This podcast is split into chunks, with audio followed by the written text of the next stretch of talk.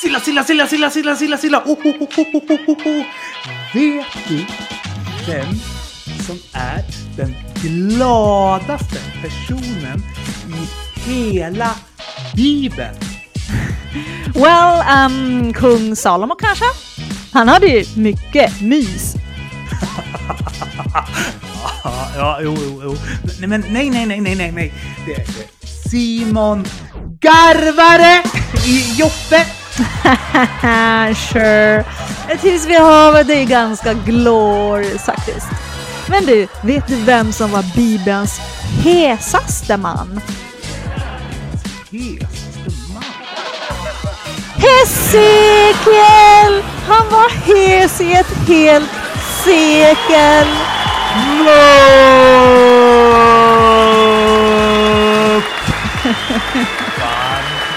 välkomna till Kristna Datingpodden. En livsstilspodd om kärlek, relationer Teologi, sex, och helikoptrar. med mig, P.O. Flodström. Apologet, entreprenör och opinionsbildare. Och Silla Eriksson. evangelist, entreprenör och opinionsbildare. Podden presenteras i samarbete med kristendate.se och studieförbundet Bilda. Varmt välkommen till veckans avsnitt av Kristna Datingpodden. Eh, för er som inte känner igen min röst så är ju jag Robban Tjernberg och är till vardags chefredaktör för den allkristna veckotidningen Sändaren. Hej Robban! Kul att ha dig med igen! Oj, jeez. Eh, hej. Ja, men superkul att hänga med er igen också. Men du vet, jag är ju småbarnsförälder så det, du behöver ju inte skrika. Jag, jag hör ganska mycket skrik om dagarna ändå, så att säga. Varför då? Vi följer ju bara dina önskemål från sändarens ledarsida. Från, min- från min ledarsida? Nej, Ja, du skrev ju att vi kristna måste börja tala högre. Så vi tänkte att du säkert började bli lite lomhörd. Alltså, ja, nej, kanske inte så riktigt. Eh, Det var nog en feltolkning. Va, va, va, vad menade du då? Ja, precis. Jag och P.O. kan tala som tysta små möss också om det är så. Men du känns inte särskilt rak och tydlig i din kommunikation just nu, Robban. Nej, jag förstår. Men vi, vi kan ju börja med att vanlig samtalsvolym fungerar superbra. Det jag syftade på i min ledare, som jag tror ni, ni, ni menar här, det var att jag önskade bryta med den här tystnadskulturen som jag personligen tror kan ligga bakom en hel del konflikter i församlingsvärlden. Eh, då var det ju prata om Immanuelskyrkan i Stockholm här just eh, eh specifikt. Men jag tror att det är klokt att prata högre och öppnare om det som skaver i, i våra församlingar. Vilket jag inte minst ser som ett klokt vägval efter de här skismerna som har uppdagats i Immanuelskyrkan. Men eh, mönstret finns ju på fler håll än i Stockholm. Jo, absolut. Jag delade ju den artikeln och fick en väldigt spännande diskussion i kommentarsfältet som du kanske minns. Där en del märkliga slutsatser av din krönika presenterades inledningsvis innan vi hann bena ut de olika delarna av den. Det blev ganska snabbt lite så här högbröstat med det där teologiska maktspråket som triggar Liberalerna att sätta igång med sin godhetssignalering. Vilket jag menar är lika illa som det konservativas högbröstade retorik. Ja, men generellt så kan ju jag i alla fall bli ganska uppgiven sådär när man ser hur det ser ut i kristna kommentatorsfält. Lite för ofta så uppfattar nog jag liksom tonen som väldigt liksom hård och nedsättande. Och jag blir, om jag ska vara helt ärlig, inte sådär supersugen på att spendera evigheten med mupparna som går igång där. ja, jag kan förstå det. Jag, jag tror personligen att vi behöver gräva djupare i de här eh, oenigheterna som nu då senast har manifesterats i landets största ekumeniska kyrkoförsamling. Och då menar jag så här, både teologiskt och arbetsmiljömässigt. Ja, jo men jag förstår hur du menar. Jag, jag tänker att de kan utgöra ett pedagogiskt exempel för många av de spänningar som idag skär genom hela kristenheten och alla frikyrkosamfunden. Mm, ja, absolut. Samtidigt så är det ju på ett sätt imponerande för vad Immanuelskyrkan ändå verkar ha lyckats med år efter år. Det är ju å andra sidan att hålla ihop sin församlings olika delar något sånär som jag också skrev. Trots att den har gått åt olika håll och liksom att det finns slitningar i olika teologiska frågor. Och att den eh, spänner över hela Sveriges kyrklighet. Det är ju lite av en öppen hemlighet. Det vill säga att alla vet om den, eh, men inte många lyfter det öppet. Och när man väl gör det så är det ju för att ta de här känslosamma besluten, liksom hbtq-frågor och så vidare. Så visst finns diskussionerna i många församlingar, men efter olika typer av vägval så går det ofta en tid och så är bara ena sidan kvar. Så på sändaren hamnar vi ofta i korsdraget av de här, eh, som det är samlade kyrktorget som vi ser oss eh, som.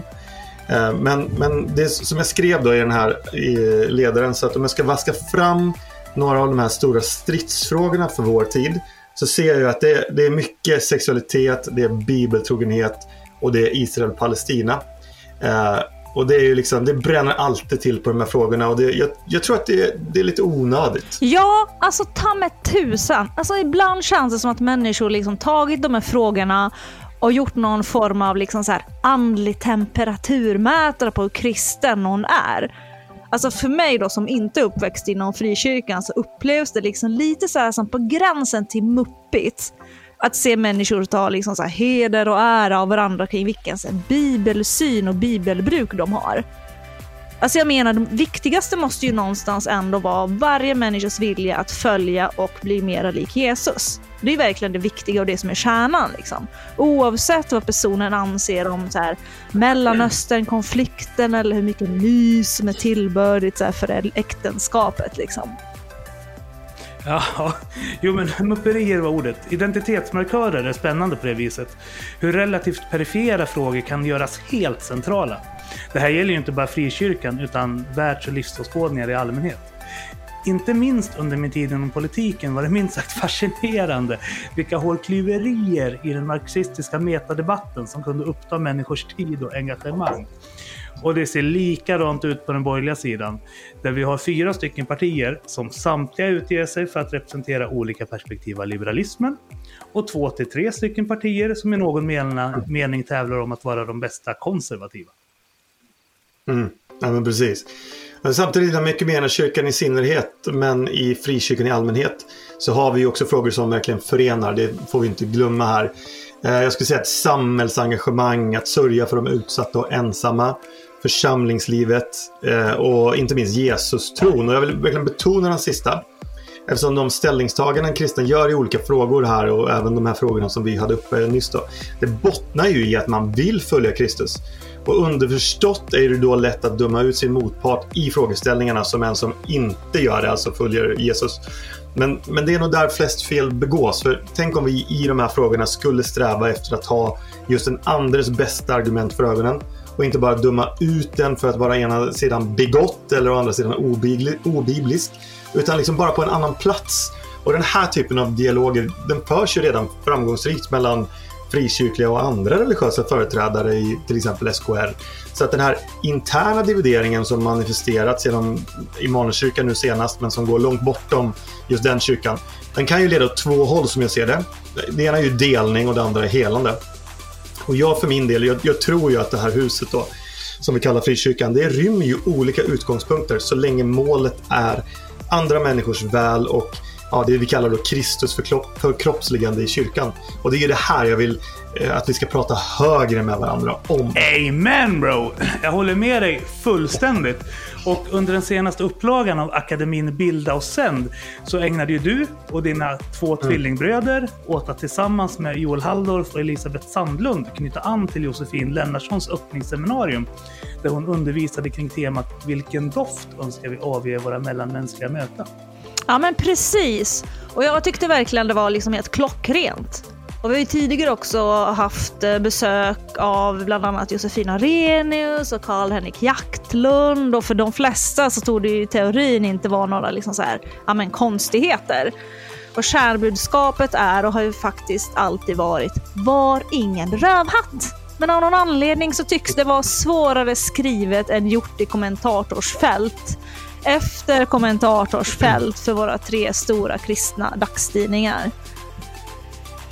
Ja, frågan behöver ställas högt och tydligt. Vad är det som driver röster inom svensk kristenhet till ett religiöst maktspråk där vi önskar ta heder och ära av varandra?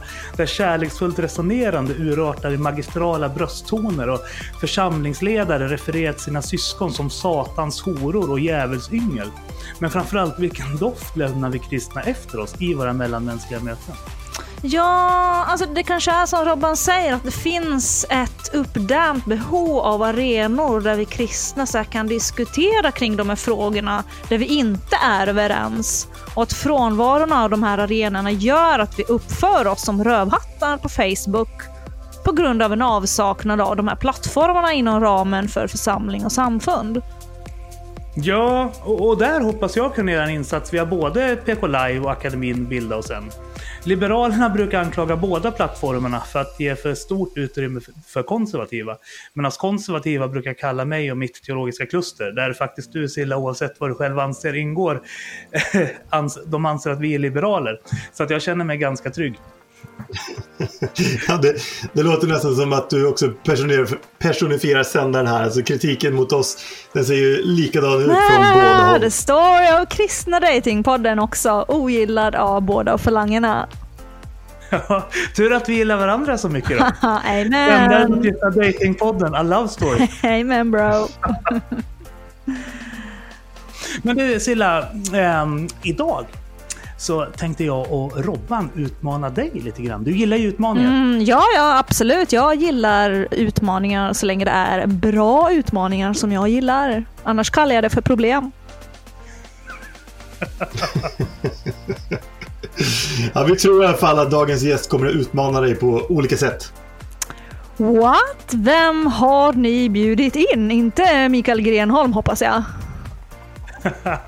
Nå, han har däremot skickat in veckans låt som heter Att följa dig.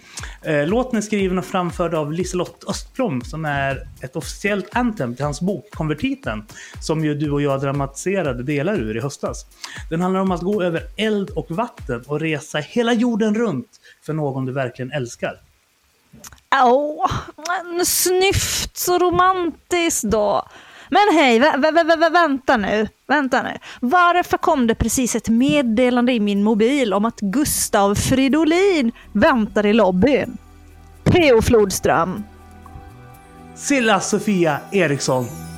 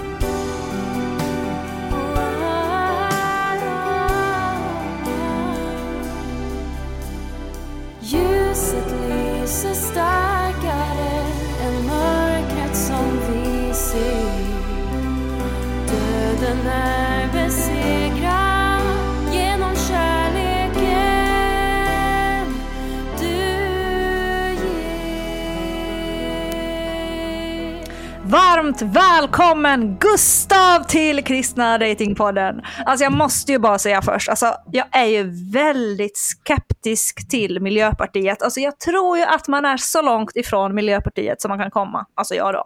Men jag måste ju säga att eh, jag hade ingen aning om eh, hur snygg du var Gustav i verkligheten du ser Silla, vänstern kan leverera dem också i motsats till vad du och Johanna Holmdahl tror. Men superkul att ha med dig Gustav. Vi hade ju en högkonjunktur i vår relation där kring millenniumskiftet då du tackade ja på löpande band till de inbjudningar jag skickade dig. Men eh, sen så känner jag att vi fick en snurra på tråden. Det hände någonting som gjorde att du inte längre var lika tillgänglig någonting om en regeringsbildning. Men superglorious att träffa dig igen. Väldigt roligt att vara här. Tror jag. Eh, jag lägger den där. Men, eh, det, det, någonting hände säger det. Ja, men det, det, var ju väldigt mycket politiska festivaler i Bologna-skogen och sånt där som eh, du brukade bjuda in till då. Eh, och sen eh, hände annat också i ditt liv. Men eh, nu är vi här. Ja, Härligt att få med lite på er återförening här. Jag vill ju också självklart passa på att hälsa dig varmt välkommen Gustav.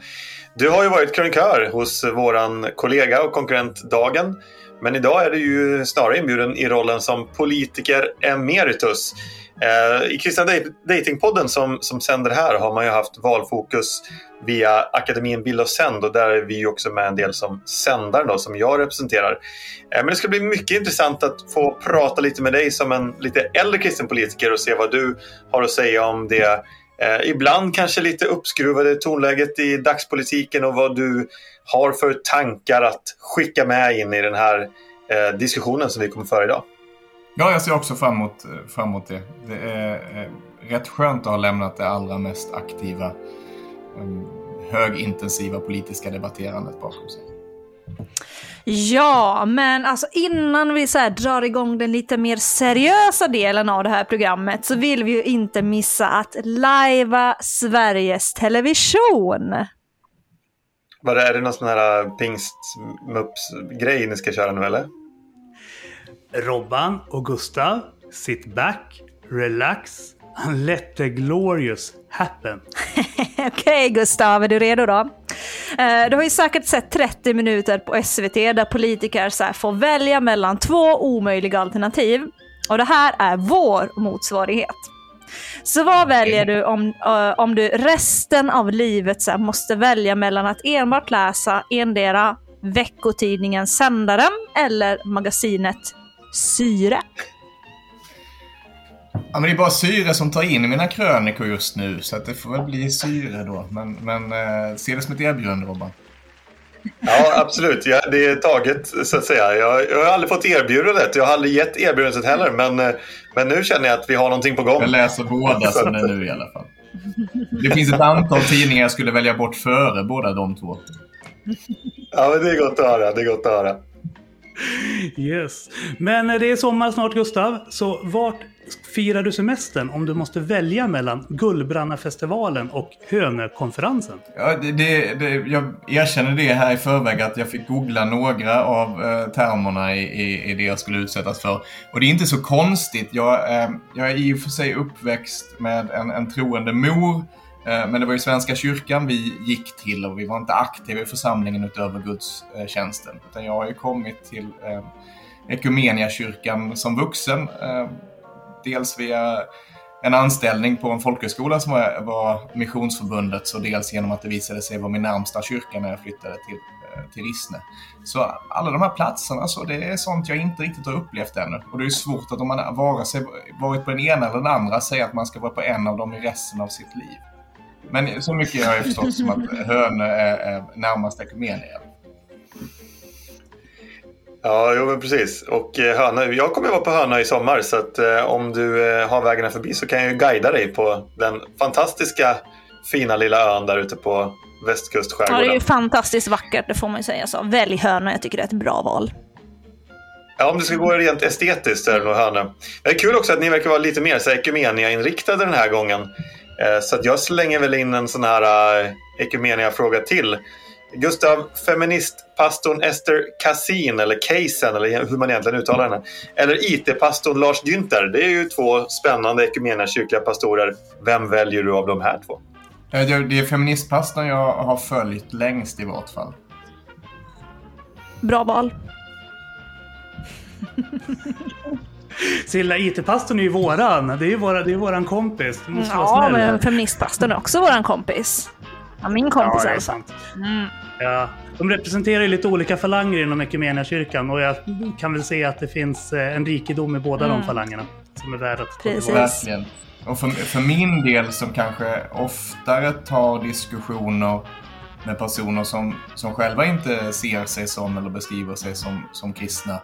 Eh, om hur man kan förena dels mina tankar i övrigt i livet utanför med, med en aktiv kristen tro eh, och dels eh, kristen tro med, med livssyn eh, som hänger ihop med deras eh, i, i största allmänhet. Där har ju mycket av det feministpastorn skrivit varit sånt som liksom hjälpt mig i de diskussionerna.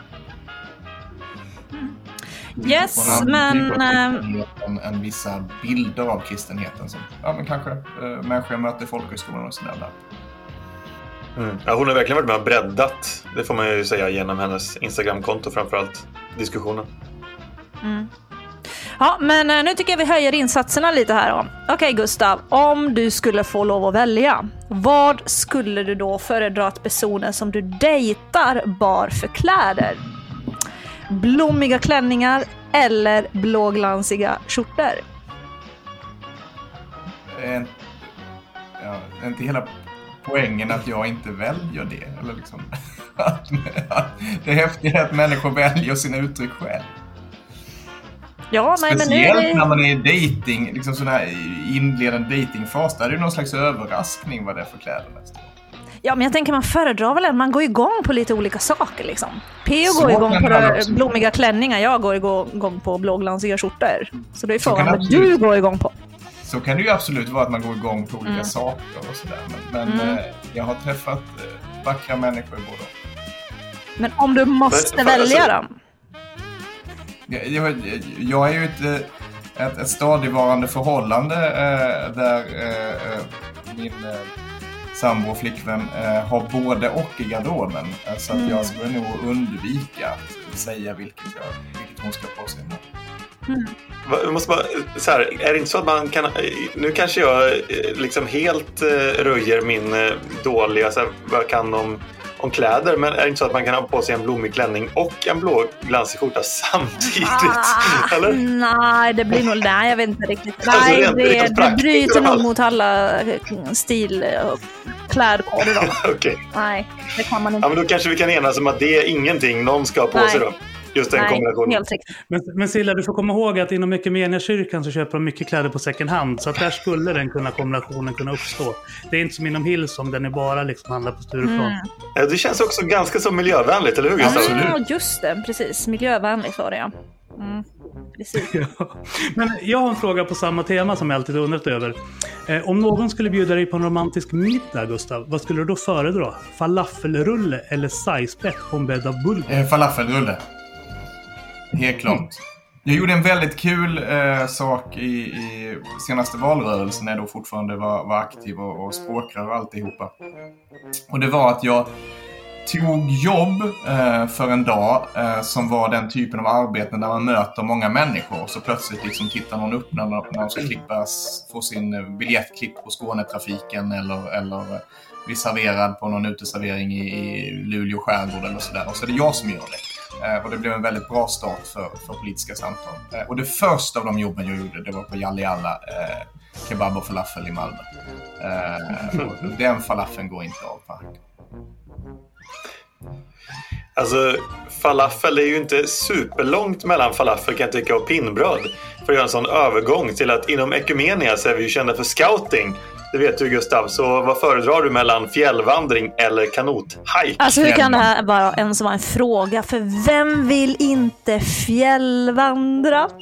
Men här är ja, Gustav, vad väljer du? 100% på Sillas linje. Bra. 100% fjällvandring på Gustav alltså. Glorious.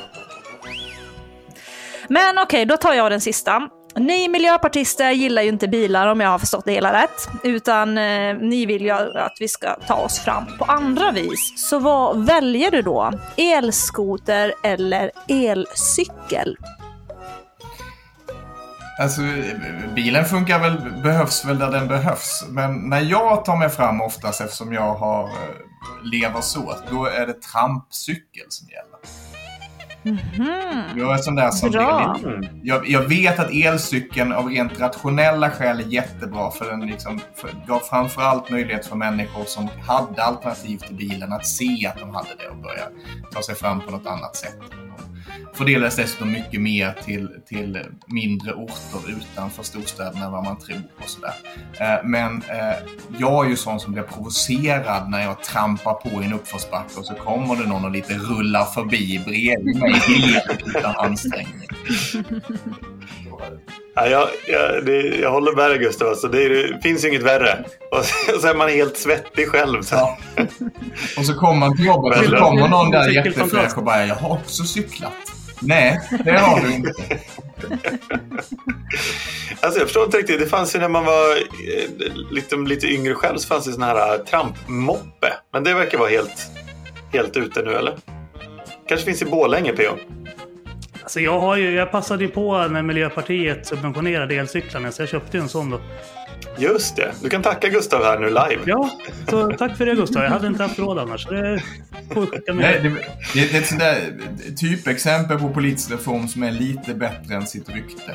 Gick mer till Borlänge än till Stockholm. Och väldigt, faktiskt väldigt stor andel av de som tog dem verkar ha gjort det för att eh, bli av med bilresor som åtminstone i det ljuset var onödiga. De kunde byta. Har du, har du gjort av med bilen då PO när du har fått den här subventionen?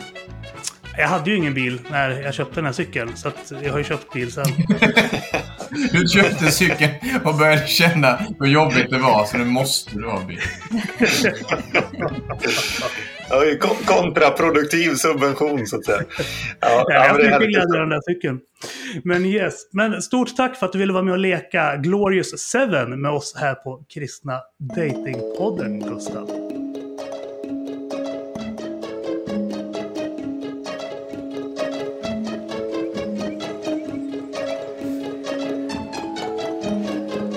Okej Gustav, nu kör vi lite mer allvarliga frågor då. Eller jag vet inte hur mycket mer allvarliga de är, men lite mer sådana här på djupet-frågor. Och jag då som chefredaktör för sändaren, jag säger att vi har ju ett antal ska vi säga, partifärger på våra läsare som sticker ut lite. Vi har ju en hel del eh, liberaler av den gamla frisinnade stammen och så har vi ganska många socialdemokrater. Eh, och så har vi en ganska stor andel också miljöpartister. Eh, Alltså, om jag ställer en väldigt bred fråga. Varför ska man som troende rösta på MP idag? Man ska ju rösta på Miljöpartiet därför att man ser att...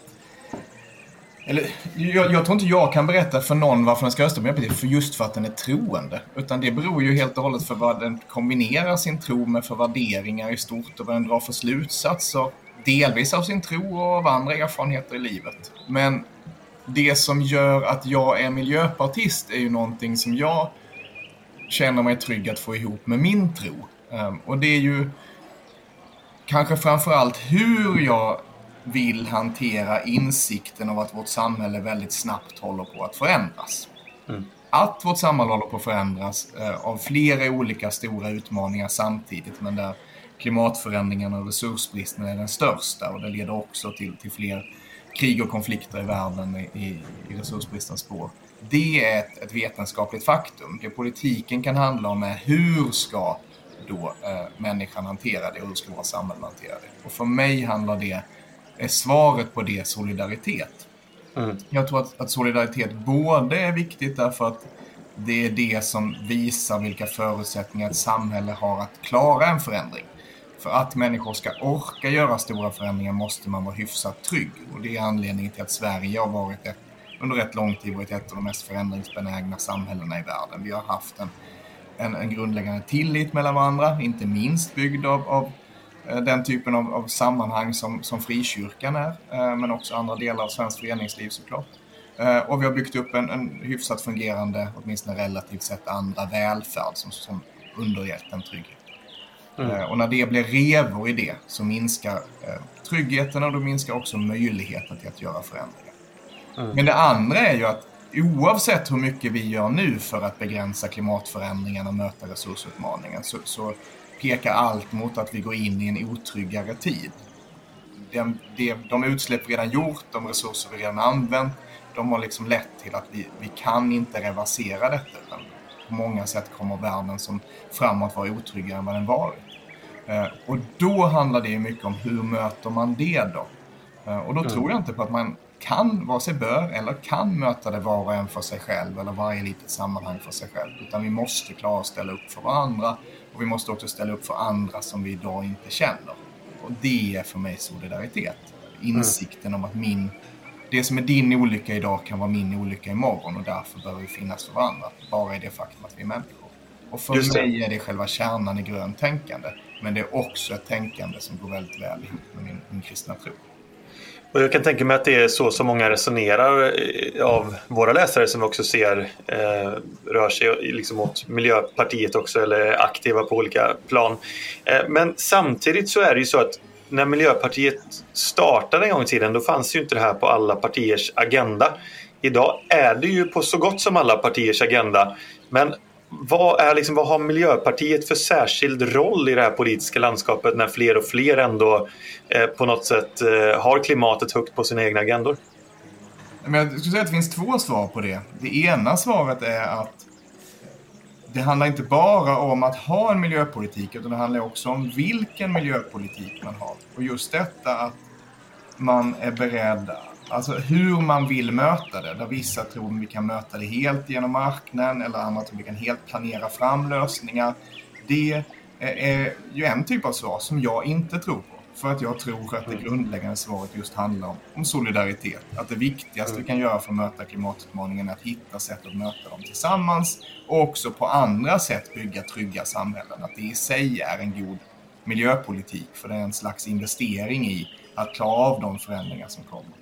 Sen det andra svaret är att jo, men alla må väl säga att de har en, en bra klimatpolitik. Men eh, det stämmer ju inte. Och om det någon gång har stämt så är det ju väldigt tydligt att det inte stämmer eh, nu. Det var ju en tid sedan alla partier gick ut och sa att vi ska bli de nya miljöpartierna. Nu är det ju nästan tävling om att kunna vara så fräck mot de där miljömupparna som det bara mm. går. Och, och, vänsterpartister och moderater gör upp om, om sänkta koldioxidskatter och sådär. Det, det vore nog otänkbart nästan i vilken situation som helst för bara ett par år sedan när miljöfrågan mm. var mer av en fråga som alla ville claima som sin.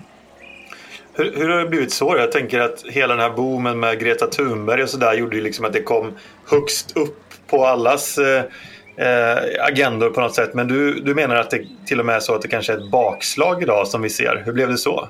Eh, jag tror att en del av förklaringen är att vi fångar i vår egen framgång. Alltså Sverige har ju relativt andra gjort en del. Eh, mm. Även om man, det finns många länder som menar att de gjort mest. Så har vi, visst, vi har gjort en, en, en del och en del av det är ju också resultatet av, av politiska kamp från bland annat Miljöpartiet. Men eh, det har lett till att många tänker att ja, men nu är vi liksom färdiga. Nu är klimatfrågan och miljöfrågan någonting som borde lösas i andra länder. De borde göra sitt. Och mm. grejen är ju att och det kan spela väldigt väl ihop med att se Greta Thunberg. Då kan man tänka sig att vi är så bra så vi är till och med landet där den främsta miljöaktivisten i världen kommer ifrån och berättar för andra hur de borde göra. Problemet är att då lyssnar man inte på vad Greta Thunberg faktiskt säger och ännu mer vad, vad den vetenskap hon pekar på säger. Nämligen att om alla skulle leva som vi gör i Sverige, då är det motsatsen till solidaritet. För, för det vårt sätt att leva bygger på att vi skulle ha fyra jordklot, vilket vi ju då uppenbarligen inte har. Eh, utan vårt sätt att leva bygger i praktiken på att andra inte kan, inte får, måste förvägras eh, att leva goda liv. Annars har vi inte möjligheten att leva eh, det liv på det sätt som vi börjat göra här. Det finns ju såklart andra sätt att leva goda liv och det är just dem vi måste hitta. En snabb fråga innan jag släpper in de andra också här. Eh, du sa förut där eh, vid något tillfälle att du tycker det är ganska skönt att inte liksom vara inne i den absoluta hetluften längre. Men jag hör ju fortfarande att du har ett otroligt starkt engagemang. Om du ändå var i hetluften idag, vilka frågor tycker du att Miljöpartiet ska driva under valrörelsen 2022 särskilt? Jag ser ju att det finns en, en väldigt tydlig konfliktlinje nu i hur man hanterar den, den akuta kris som uppstått eh, till följd av, av Putins eh, vansinniga invasion av Ukraina. Eh, och den tydliga konfliktlinjen är mellan de som bara vill hitta små sätt att lösa det här och nu och kan hamna i sådana galenskaper som att alla som äger en bil automatiskt ska få en tusenlapp. Eh, mm. Och Eh, ett, menar jag, mer solidariskt sätt att hantera det både på kort sikt, se till att använda varenda resurs vi kan avsätta nu till att människor som har låga inkomster som drabbas hårt av att både bränslepriserna och energipriserna och matpriserna och boendepriserna nu stiger kraftigt att de hushållen får del av det som behöver föras här. Räkna inte röster i nästa val, utan räkna hur vi ska se till att barn, inte fler barn växer upp i fattigdom, inte fler pensionärer blir fattiga i Sverige, inte fler puttas in i gränsen till att bli låginkomsthushåll. Se till att pengarna hamnar där på kort sikt. Och på längre sikt såklart, se till att vi bygger en större trygghet i att kunna möta kriser. Mm. Både hur vi globalt agerar. Vi sitter ju nu och stödjer massa andra diktaturer i världen. Har samarbete med, med Saudiarabien och andra som vi inte borde ha. Och mm. eh, eh, lokalt här och nu. Ökad, ökad matproduktion i Sverige, en större självförsörjning av, eh, av mat i vårt land till exempel. Så både kort sikt, mer resiliens genom att se till att vi inte, den här krisen får bäras av de fattiga. Mm. Eh, och att fler blir fattiga och på lång sikt se till att vi har en större självförsörjning och en, blir en ännu bättre aktör globalt. Jag måste bara ändå flika in här. Det är eh, intressant eh, det du säger också med, med självförsörjning och så. Det tror jag också är många som, som kommer att ha som en, en fråga högt upp på listan. En annan fråga som har varit väldigt stor nu är ju den här kärnkraftsfrågan och MP har ju fått klä ganska mycket skott i den debatten för att man har eh, man, man, ibland anklagas man för att vara den drivande kraften bakom avveckling av svensk kärnkraft och så. Det är kanske lite väl Eh, tufft att säga det. Men, men vad säger du om den frågan? Borde man ha agerat mer på att ha en, en större kärnkrafts... Eh, eh, eller mer kärnkraft i Sverige fortsatt? Eller är det ändå liksom en ohållbar, eh, ett ohållbart sätt att, att, att möta framtiden med att bygga fler kärnkraft? Ja, det är världens dyraste sätt att koka vatten. Uh, och, och, i, och, att det har ju dessutom bara blivit dyrare med tiden. Uh, I Sverige är det ju, Eh, och de flesta jämförbara länder, väldigt mycket mer lönsamt att bygga förnybar energi än kärnkraft. Och dessutom är det så att, att de som argumenterar för att kärnkraften är ett sätt att skapa ett oberoende från Ryssland har ju en rätt svår resa framåt. I princip inga reaktorer i världen byggs utan antingen ryskt, och i Europa är det framförallt ryskt, eller möjligen kinesiskt inflytande. Antingen genom investeringar eller till och med genom ägande.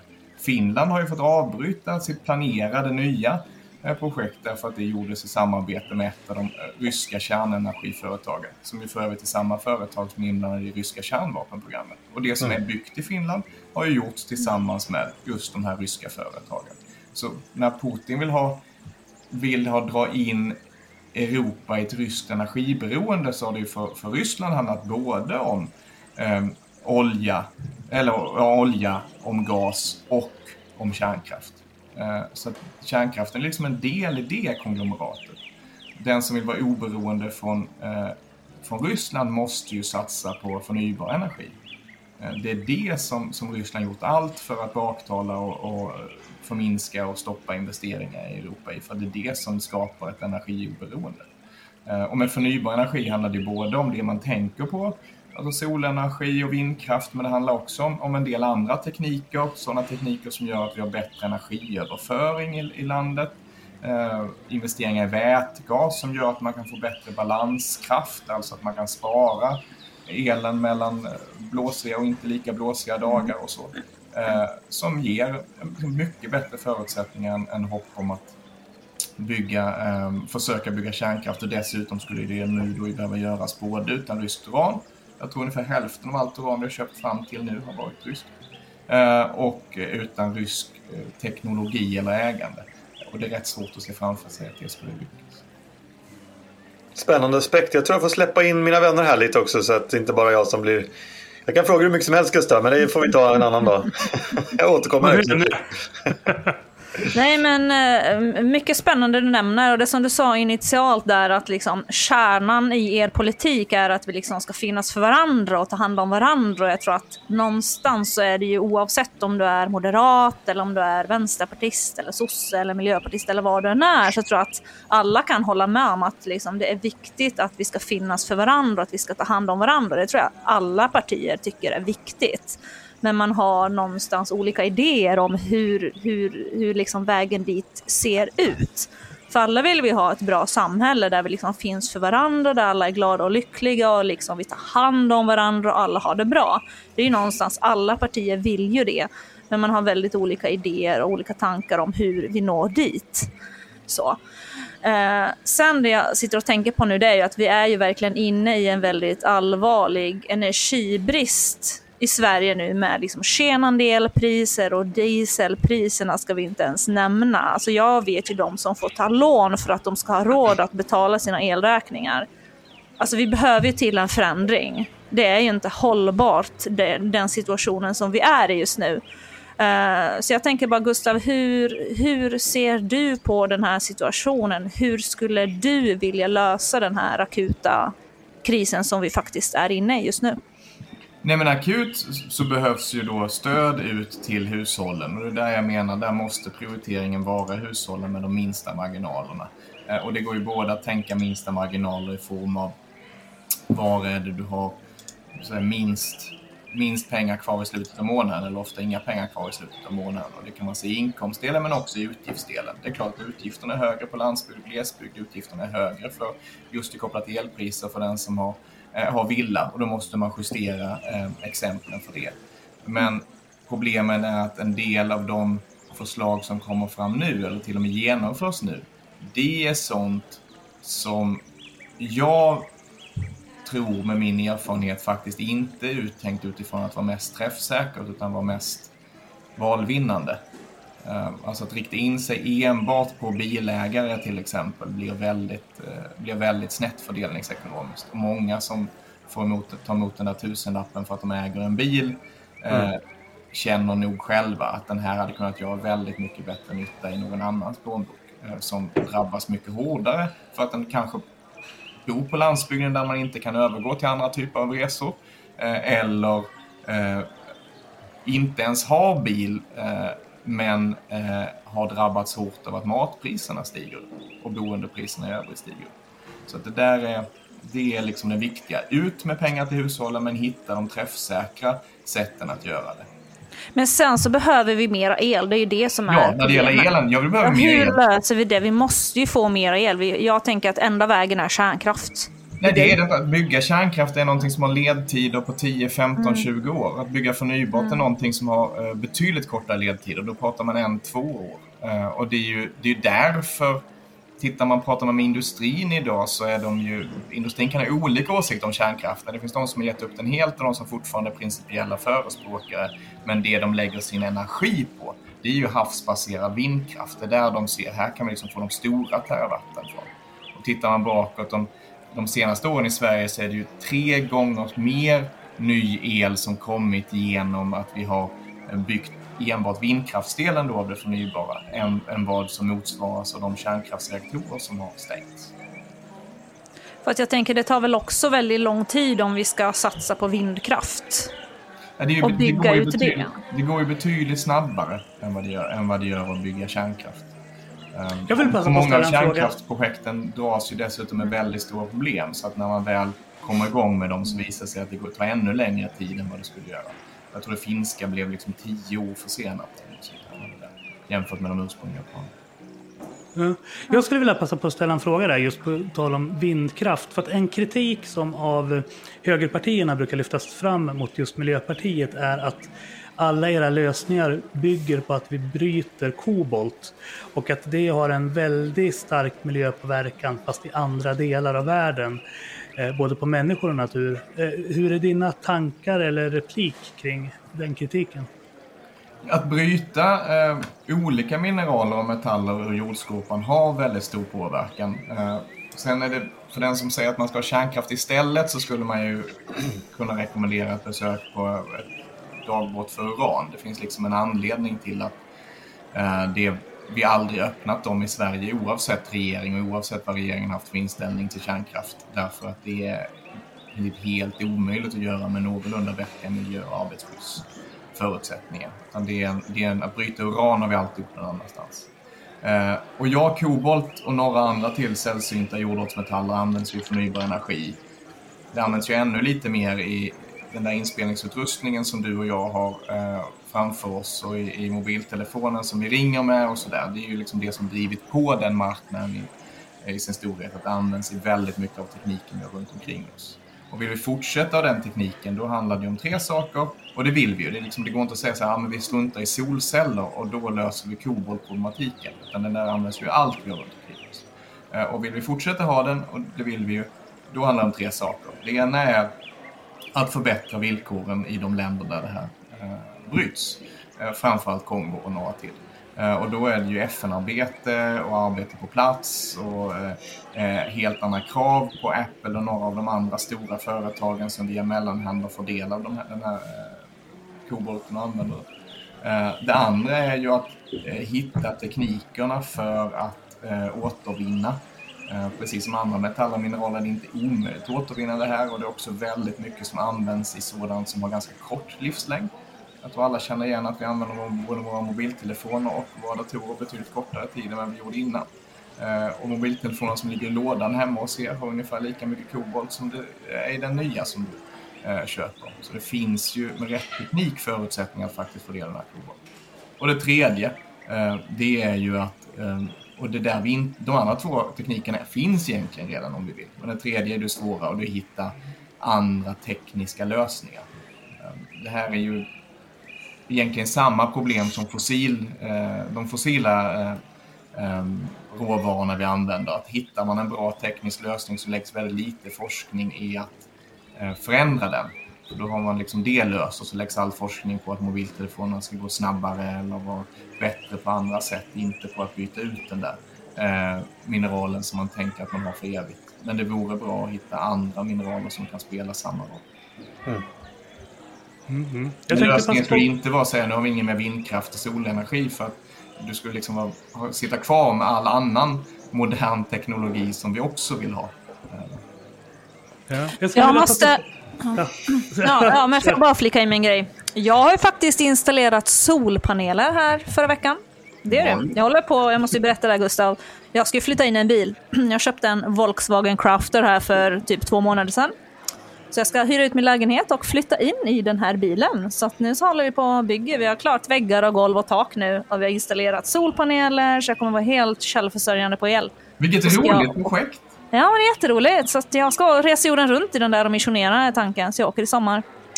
Tänk om du kunde gjort så att, liksom att den också drevs ja. på solpanel, den här bilen. Det hade ju varit magiskt. Ja, just det. Nej, tyvärr är det en, eh, bensin, en dieseldriven bil då. Ja. Men eh, solpaneler, så jag har energiförsörjning så jag ska kunna stå flera veckor. Ja. Säkert. kanske ska lämna Moderaterna och gå till Centerpartiet nu då, när du börjat det här nya gröna livet. du, får, du, får kolla bara, du får kolla arbetsmiljöregler först bara på Centerpartiet. ja. Men jag tänkte kolla, för Robban var inne lite grann på det här med gemensamma drivkrafter kring Miljöpartiet och den kristna värdegrunden. Så. Och jag tänker när du pratar, nu är du medelålders, precis som alla oss andra, och, och mycket av det du pratar om är just det här att leva eh, lite moderat, alltså inte moderat i egenskap av partiet, men alltså um, att inte leva i överflöd, utan att leva med respekt och hänsyn till skapelsen och att det goda förvaltarskapet och eh, att förvalta sina talenter på ett bra sätt. Och det ligger ju i linje med, med, med den kristna tanken. Så. Men jag tänker, när, när, du var ung och blev miljöpartist, i 15-16 års åldern. Var det det som var den ursprungliga drivkraften eller vad var ditt politiska uppvaknande? Var det konsumtionskritik i så ung ålder? Nej, det var det inte och jag skulle nog inte beskrivit mig som troende när jag var ung eh, heller, även om min mor var det så jag växte upp i ett troende hem. Utan det är någonting som växt till mig eh, med tiden och med vuxenblivandet och med erfarenheter. Um, nej, jag gick med för att jag var emot nedskärningarna på min skola. Det var protesterna mot nedskärningar på min skola och möten med lokala miljöpartister som gjorde att jag, jag blev miljöpartist. Sen blev ju väldigt snabbt långsiktigheten, alltså det som binder samman miljöpolitik med utbildningspolitik någonstans. Vad vi gör idag påverkar väldigt mycket vilket samhälle vi har imorgon. En, en ideologisk kärna som jag mötte i Miljöpartiet och kände mig hemma i. Och där finns ju det någonstans. Men jag tycker att den här, eh, nu ställde jag en personlig fråga men jag har en allmängiltig reflektion. Jag tycker ju så den här kopplingen mellan gröna, grönt tänkande och, och kristenhet är väldigt obeforskad. Det vill man ju säga i en sån här podd där man inte riktigt vet vilka som lyssnar. För det kan ju vara någon eh, vid våra lärosäten som funderar på nästa forskningsuppslag som lyssnar. Eh, mm. För det, dels har det ju varit ett här, allt starkare stråk i det svenska Miljöpartiet, att du, du har den här kopplingen. Att många av våra lokalavdelningar drivs för att det finns någon eh, aktiv person som ger av sin tid där som också är eh, aktiv i den lokala församlingen i, i kanske framförallt Ekumenia kyrkan men också andra eh, eh, frikyrkor eller Svenska kyrkan. Senaste språkrörsval var ju tre kandidater, var en var präst och en var pastor. Um, och det ser likadant ut för ett antal andra gröna partier. Alltså en av de tunga tidigare språkrörsval i Grynen kom dit från tjänsten som den, den eh, tyngsta civila företrädaren i eh, Tysklands eh, lutheranska eh, kyrka. Eh, de belgiska och nederländska gröna partierna är från början kristna partier eh, som utvecklades till eh, gröna partier. Eh, och det där, den kopplingen har jag inte hittat en enda ens C-uppsats om. Den skulle jag vilja, vilja läsa och förstå djupt. Det är ingenting man talar speciellt mycket om i den gröna rörelsen heller, men man upptäcker det om man har de ögonen med sig och börjar prata runt med sina kollegor från andra länder. Mm. Och kanske är det som är inne på en konstruktionskritik. Eh, den som formulerat det bäst är nog faktiskt Jakob Forssmed. Eh, eh, jag vet inte om han vill bli tillskriven det här citatet längre, men när vi var unga och åkte runt på skolor och debatterade så brukade vi ibland få frågan om vilket parti vi skulle rösta på i andra hand. Och då avslöjar jag nu eh, säger man golar lite på honom att han brukade säga Miljöpartiet därför att han tyckte att det var det andra partiet som eh, som tog sitt avstamp i någonting annat än att enbart förmera. Att saker och ting ska bli, bli mer, utan att faktiskt fundera på andra än ekonomistiska värden. Men jag tycker du är inne, på... samma parti idag, men, men det finns någonting som förenar tänkandet i det där. Men du har en intressant poäng där, för att jag, det, det är väl inte helt ovanligt med kombinationen MP, KD och kanske något ytterligare parti ute i landet. Även om det har blivit liksom någon form av eh, tydlig opposition på nationell nivå. Och det är många frågor som förenar. Miljö kan man väl i och för sig diskutera men, men flyktingfrågan har ju varit en sån sak, det sociala. Eh, och, ja, det, och det, det, finns ju någonting där faktiskt som är gemensamt mellan de här två partierna. Ja, MP, KD, Folkpartiet eh, mm. tidigare. Så den, där, ja, det har funnits en sån, sån gemenskap. Och det är, många miljöpartister har ju eh, väldigt ofta beskrivit det att samarbete med de borgerliga partierna har lokalt varit enklare än samarbete med Socialdemokraterna. Inte i termer av att lägga de politiska kraven bredvid varandra och få dem att förena sig, men i termer av att ha förståelse för och respekt för varandra. Där man upplever att man går in med, med Socialdemokraterna som, som mest vill köra över en medan man hamnar på helt annan eh, jämsides med varandra när man, eh, eh, när man eh, förhandlar med och diskuterar med borgerliga företrädare. Och det här skulle ju en vänstermänniska som PO kanske säga, säga handlar om att egentligen är miljöpartisterna bara förklädda borgare. Men, men min lilla insider är att det där händer väldigt ofta också i eh, gröna avdelningar som politiskt ligger ganska långt till vänster. Eh, de liksom ändå har lättare att få till det där samarbetet med, med borgare på en rent personlig nivå. Och det, kan det vi kan enas om, Gustav, är att det är svårt att samarbeta med Socialdemokraterna. Det tror jag är en gemensam erfarenhet. det brukar de flesta som har provat det. Jag sitter och funderar här P.O. Jag tror faktiskt att jag är lite närmare Miljöpartiet än vad du är. Det är klart att du är, du är ju moderat. Nej, men jag sitter och tänker på det. Jag är ju minimalist, Gustav. Jag är liksom, min slogan är ju less is more. Jag har ett mål om att bara äga 50 saker. Jag är väldigt sådär, jag lever ett väldigt avskalat liv. Uh, nu ska jag ju sajsa ner från 32 kvadrat på Östermalm till 6 kvadrat i Bumbelina som min bil heter som jag ska flytta in i. Så att målet är att bara äga 50 saker. Uh, du är ju PO ganska motsatsen till det. Du, du är liksom såhär more is merrier. Ja. Medan ja. jag liksom vill ha det väldigt, jag vill ju ha väldigt bra saker. Jag skulle aldrig få för mig att köpa någonting som är billigt. Jag tänker att jag har hellre liksom 50 riktigt fina saker som jag verkligen använder. Än att jag liksom har liksom hur mycket prylar som helst som bara ligger och skräpar som jag egentligen inte använder till någonting. Det är liksom lite min filosofi sådär, less is more. Du kanske ska bli miljöpartist till Nej, ja, nej, vi har nog helt olika värderingar så. Men just det här med konsumtion, så jag, jag tror verkligen att vi behöver dra, dra ner på konsumtionen och verkligen liksom tänka till där. Leva enklare. På något vis komma ner till kärnan mer. Liksom. Jag tror att väldigt många människor idag skulle må så mycket bättre av det också. Sajsa ner sitt liv och fråga vad är det egentligen som är viktigt. Vi har ju så otroligt mycket grejer, vi har så otroligt mycket prylar idag. Vi köper någon slags liksom, livskvalitet vi tror att vi ska liksom må bättre av det, men vi gör ju egentligen inte det. Det är egentligen inte så himla mycket grejer vi egentligen behöver när man tänker till lite grann. Så det, det tror jag faktiskt att folk skulle må bra av att tänka igenom lite grann, sin konsumtion. Så. Jag tycker man ska köpa fler böcker. ja, böcker är bra, absolut. Men sen kan man ge bort dem när man har läst dem. Ja, det är svårt. Men ja, jag är helt med på Robbans linje där. Jag ser du en hel bokhylla där bakom. Läser du verkligen alla de där böckerna? Ja, men vad skulle jag göra utan Churchills andra världskriget nu till exempel? Ge dem till någon som vill läsa dem. Du har läst dem. Ja. Ja, jag, nej, jag, de har jag inte läst kan jag säga. Det måste jag erkänna. Det är nog många här som jag tyvärr inte har läst. Men jag är på väg. Jag är på god väg. Okay. Jag har ett liv på mig. Du, du talar väl både för... Kvinnan Valfrid Palmgren hade på sin tid en väldigt bra förslag till dig, Robban. Det kallades bibliotek. Hon är lite utskriven under den svenska historieskrivningen där vi ju eh, ofta eh, inte hör om, om eh, de tänkare som stod till, till höger om mitten men som också slogs för den gemensamma välfärden. Och en av dem var Valfrid Palmgren som trodde mycket på bibliotek. Också fredskämpe. Ja, ja, bibliotek. Det, ja, jag kan ibland få dåligt samvete att man inte är på våra allmänna bibliotek mer. Alltså, vilken fantastisk grej egentligen. Men det var inte det vi skulle diskutera nu. Det är ju också så här. Vi, vi kan ju liksom inte ha en hel intervju med dig Gustav utan att ställa en enda skolfråga.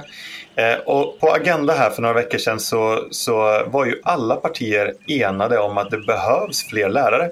Och jag har inte riktigt uppfattat att det har funnits en sån enighet i alla partier tidigare. Men jag vet ju att du har slagits för det här mycket. Det skulle bara vara intressant att, att liksom höra din reflektion om, om, om liksom, är det så att skolan återigen har hamnat högre upp på agendan och vad, vad liksom ser du i så fall eh, att det här skulle kunna få med sig för effekter?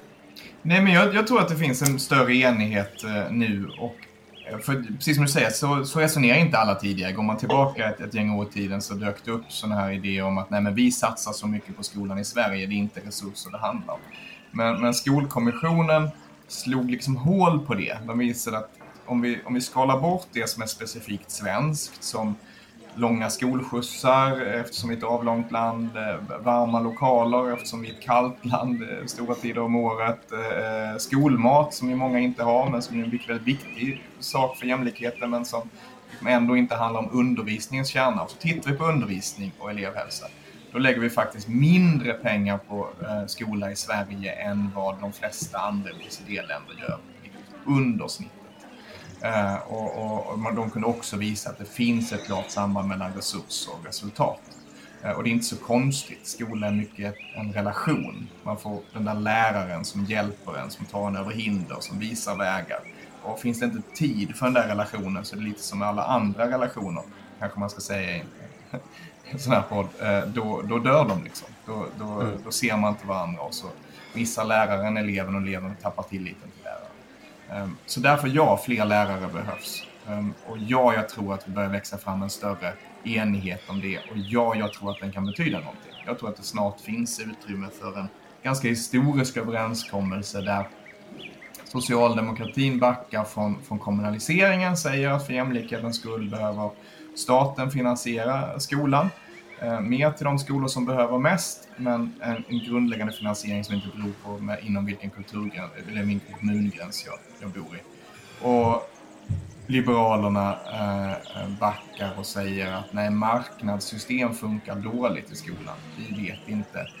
Vi, vi, kan inte välja för vi vet, vi kan inte mäta skolans kvalitet utan det blir helt andra saker vi går på. Det blir marknadsföring och det blir adress och det blir mm. att välja vänner snarare än att välja eh, vad skolan eh, bygger på. Så vi behöver eh, ta bort vinstdriften eh, i skolan som riskerar att leda skolan fel och vi behöver eh, se till att det finns skolval men skolval som är mer fritt än vad det är idag. Där det inte bygger på att du bor eh, på en rik adress eller att du har satt dina barn i kö eh, från, från BB. Um... Jag, jag, kan bara inte hålla med här för att ställa en påbyggnadsfråga kan man säga. Eh, när du slutar med fria val där. Eh, vi har ju brunnit ganska mycket på ledarsidan för det här med folkhögskola. Jag vet att du är ju lärare på en folkhögskola. Hur ser du på framtiden för folkhögskolor? Ehm, vi har ju väldigt många inom våra rörelse eh, och det är ju liksom en skolform som har visat sig vara väldigt framgångsrik eh, på många sätt. Men samtidigt har ni ju fått kämpa ganska mycket med, i motvind. Eh, hur ser du på framtiden för de alternativa skolformerna som till exempel folkhögskola?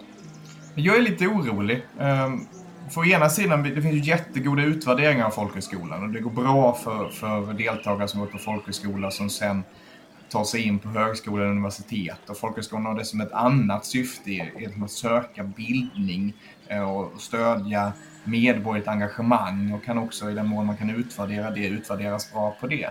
Eh, men det är ju den typen av utbildningsform som eh, de som är mer oroliga för fritt tänkande och, och så gärna ger sig på. Jag tror inte det är en mm. slump att det ligger i motioner i riksdagen eh, som handlar om att man ska eh, avskaffa folkhögskolan i sin nuvarande form och, och föra in det i någon slags komvux. Eh, mm. det, det, liksom, det handlar om den här friheten som ju kan vara stökig. Det verkar också finnas en ganska stor okunskap när det gäller folkhögskola kan jag tycka när man läser de här motionerna. Framförallt det här, det var ju en eh, sverigedemokrat som la en motion som där det kändes som att den här killen har nog inte så mycket koll på vad en folkhögskola är, tyvärr. Och det är lite oroväckande om det är den typen av eh, ja, kunskapsbas som ligger bakom att folkhögskolan ska få en ändrad karaktär. Men, ja. Ja, eh, och det, det är klart det måste vara upp till folkhögskolan också att förklara och visa upp sig. Men, men folkhögskolan har liksom inte riktigt gjort det därför att Nej. den har ju haft den har ju lagt sin energi på att vara en så bra skolform som möjligt för alla de som behöver den. Eh, mm. Och inte marknadsföra sig för alla andra. Det, eh, det funkade ju bra i en tid när vi hade ett väldigt stort medborgerligt engagemang. För då var man med i rörelser som, som hade ett band till en folkhögskola och förstod den utifrån det. Men idag mm. så eh, har många ett avstånd till det. Om man inte själv gått där. Jag tänkte ställa en sista fråga som eh, jag vet är väldigt central för många av våra lyssnare. Och den hör ihop med vad du anser att religionens plats är i det offentliga rummet. En del uppfattar att Miljöpartiet har gått från att vara ganska religionsvänligt utifrån ert ställningstagande i ägarbilden kring friskolor och eh, även andra former av alternativt ägarskap kring välfärden och så. Eh, medan man uppfattar att Miljöpartiet har fått intagit en lite mer restriktiv hållning nu de senaste åren. Så jag skulle vilja höra din, din reflektion där kring hur tänker Miljöpartiet kring religionens roll i det offentliga rummet? Men religionen religionen gör ju mycket, alltså religionen är en del av livet. Eh, och det går inte, det finns en, det är en feltro att man kan välja bort religion. De, de frågor som religionen finns för att besvara är frågor som alla människor eh, ställer sig och brottas med och behöver hantera. Eh, och sen ska man inte i ett demokratiskt samhälle bli pådyvlad en religion i betydelsen att någon säger åt en vad man ska tycka. Men man kan heller inte tro att man kan eh, undanbe sig att andra förklarar vad de tycker. Och i en praktisk mening, det finns väldigt mycket som utförs idag av eh, samfund som gör väldigt mycket samhällsnytta. Och då tänker många på kriser och vad samfund gör då? Ja, det är självklart att tänka på. Det är liksom ingen slump att den, den kyrka som är först ut med att möta de ukrainska flyktingarna i, i kön till Migrationsverket några meter från där jag, några kilometer från där jag sitter nu. Men det, är ju, eh, det handlar ju också om, om det där vardagliga. Skolpräster, ehm, den man går till för att fundera över livet när man är tonåring. Eh, den typen av arbete som inte är det synliga, akuta, men som också spelar jättestor roll. Och för att svara på ditt exempel. Jag har ju försvarat eh, och kommer fortsätta försvara att samfund ska få eh, driva skola, både utifrån att det är så det internationella regelverket ser ut, men också utifrån att jag tycker det. Jag tycker det är en konstig gräns att dra, att bara för att du tror på något så ska du inte få vara aktiv i välfärden. Eh, däremot så är det ju viktigt att det eller vi går för hela friskolan från ett system där vem som helst fick starta och sen skulle vi minutiöst kontrollera efter, vilket blev dåligt för alla parter, till ett system där den som får ett välfärdsuppdrag ska ha ett grundläggande förtroende, samhället ska ha ett grundläggande förtroende för den. Den ska liksom vilja utföra det. Om man, om man inte tycker att den svenska skolan har en bra värdegrund, då kanske man inte ska driva svensk skola, utan då kanske man först ska försöka jobba för att förändra den svenska skolans värdegrund. Eh, till exempel. Och det är mer det de här nya regelverken eh, handlar om. Sen, sen vill ju Socialdemokraterna till exempel ha helt andra regler. Yes, och det här är ju trots allt ändå kristna datingpodden. Så att så här på slutet så skulle jag vilja ställa tre stycken så lite mera glorious frågor. Så, så här då, om man spanar på en miljöpartist vad är det säkraste sättet att charma personen på? Vad faller ni miljöpartister för? Eh, jag tror eh, att det vetenskapligt korrekta svaret på frågan är engagemang. Eh, man, man gjorde nämligen en koll, det är väl Katarina Barlings doktorsavhandling tror jag, på, på vad är det inom partierna som ger status. Um, och då var det med Socialdemokraterna att ha arbetarbakgrund och kunna hänvisa till det var någonting som statusgivande till exempel och företagare på andra sidan och sådär. Men hos miljöpartisterna var det att ha samhällsengagemang. Uh, alltså att, att göra saker, ha idéer och försöka förverkliga dem. Och det kunde ta sig helt olika former, men det var det där samhällsengagemanget som var viktigare än att vara partianknuten. Det eh, kunde till och med vara så, beskrev hon, att säga att man varit med i partiet länge kunde liksom sänka sina chanser att få ett nytt förtroendeuppdrag. Men att däremot säga att man gjort andra saker, oj vad spännande det var. Jag kan tänka att det funkar likadant i, i annan typ av attraktion. Mm, jag förstår, som min bumbelina med solpaneler på taket du borde liksom kunna skapa en attraktion. Då. det låter som att eh, miljöpartist borde kunna falla för mig och bumbelina då. Det tror jag absolut. Eh, skulle kunna berätta lite om det mest romantiska, eller den mest romantiska gesten någon har gjort mot dig. Vilket är ditt finaste datingminne? Det finns ju jättemånga såklart. Men jag, jag fick, min förra födelsedag så fick jag en, en, en eh, väldigt vacker skrivmaskin. Och det blev ah. jag väldigt lycklig för. Apropå att välja bort prylar. Men ah. den var i alla fall inte nytillverkad. Ja, men vad fint. Ja, den står Härligt. på en hedersplats ja. nu. Ibland går jag och försöker skriva någonting på den. Mm. Härligt.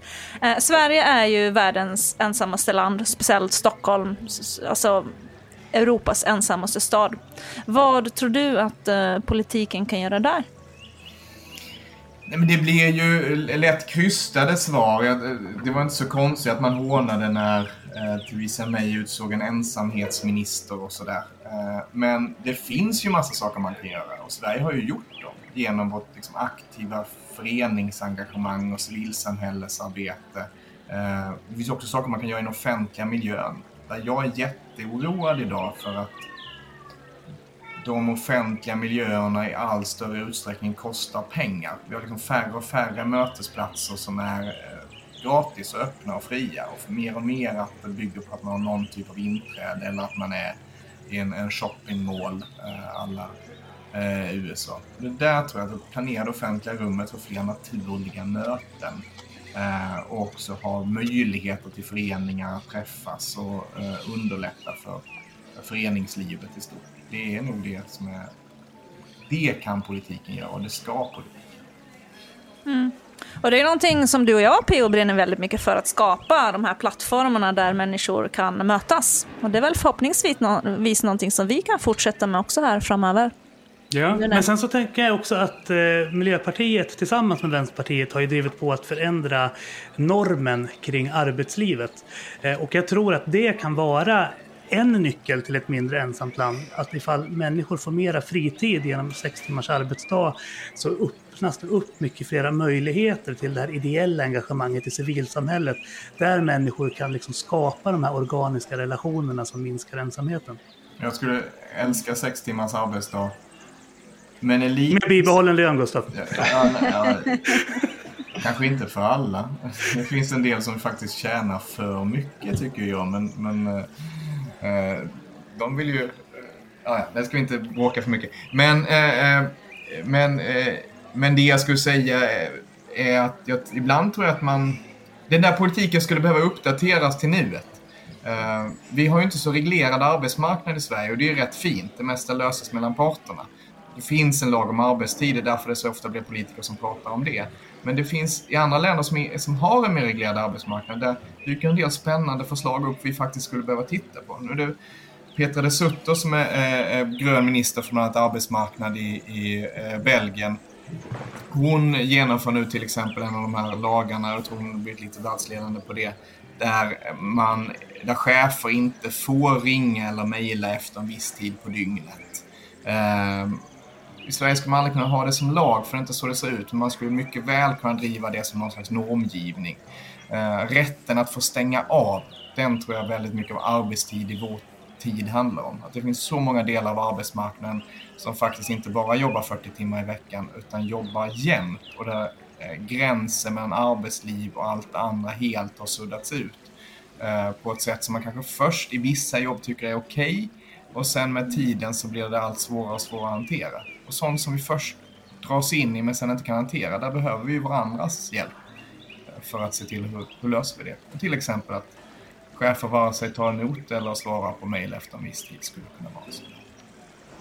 Mm, mm. Yes. Jag vill tacka dig så jättemycket Gustav för att du ville hänga med mig och Robban och Silla här på eftermiddagen och prata lite tro och politik. Det har jag uppskattat väldigt mycket. Eh, och eh, jag skulle verkligen se fram emot att se fler krönikor av dig i kanske en annan kristen veckotidning här nu när Robban har lämnat en utsträckt hand och så. Så att ni borde ta en lunch med varandra på Höne, Höneveckan och prata vidare om det. Ja, absolut. Du är välkommen eh, både till Hörna, till Gustav, eller till Allingsås eller Stockholm. Eller så får jag komma till Skåne. Visst är det Skåne du är, håller hus nu, va? Eller? Nej, jag är från, är från Skåne, men jag flyttade tillfälligt upp till Stockholm för 23 år sedan. Och du har blivit kvar där ja. Ja, det är fortfarande tillfälligt. det är som det är. Ja. men det är enkelt. Då kan vi ses i Stockholm och luncha. Det tycker jag vi bestämmer. Du är välkommen hit. Hem till Rista. Tack. Tack. Yes. Och med det Silla? Ja, då får vi avsluta som vi brukar. Med att önska våra kära lyssnare en stor puss och Kram! Stort tack för att du har lyssnat på Kristna Datingpodden. En livsstilspodd i samarbete med kristendate.se och studieförbundet Bilda. Med mig Silla Eriksson och med mig Theo Flodström. Följ oss på kristendate.podbean.com och Spotify.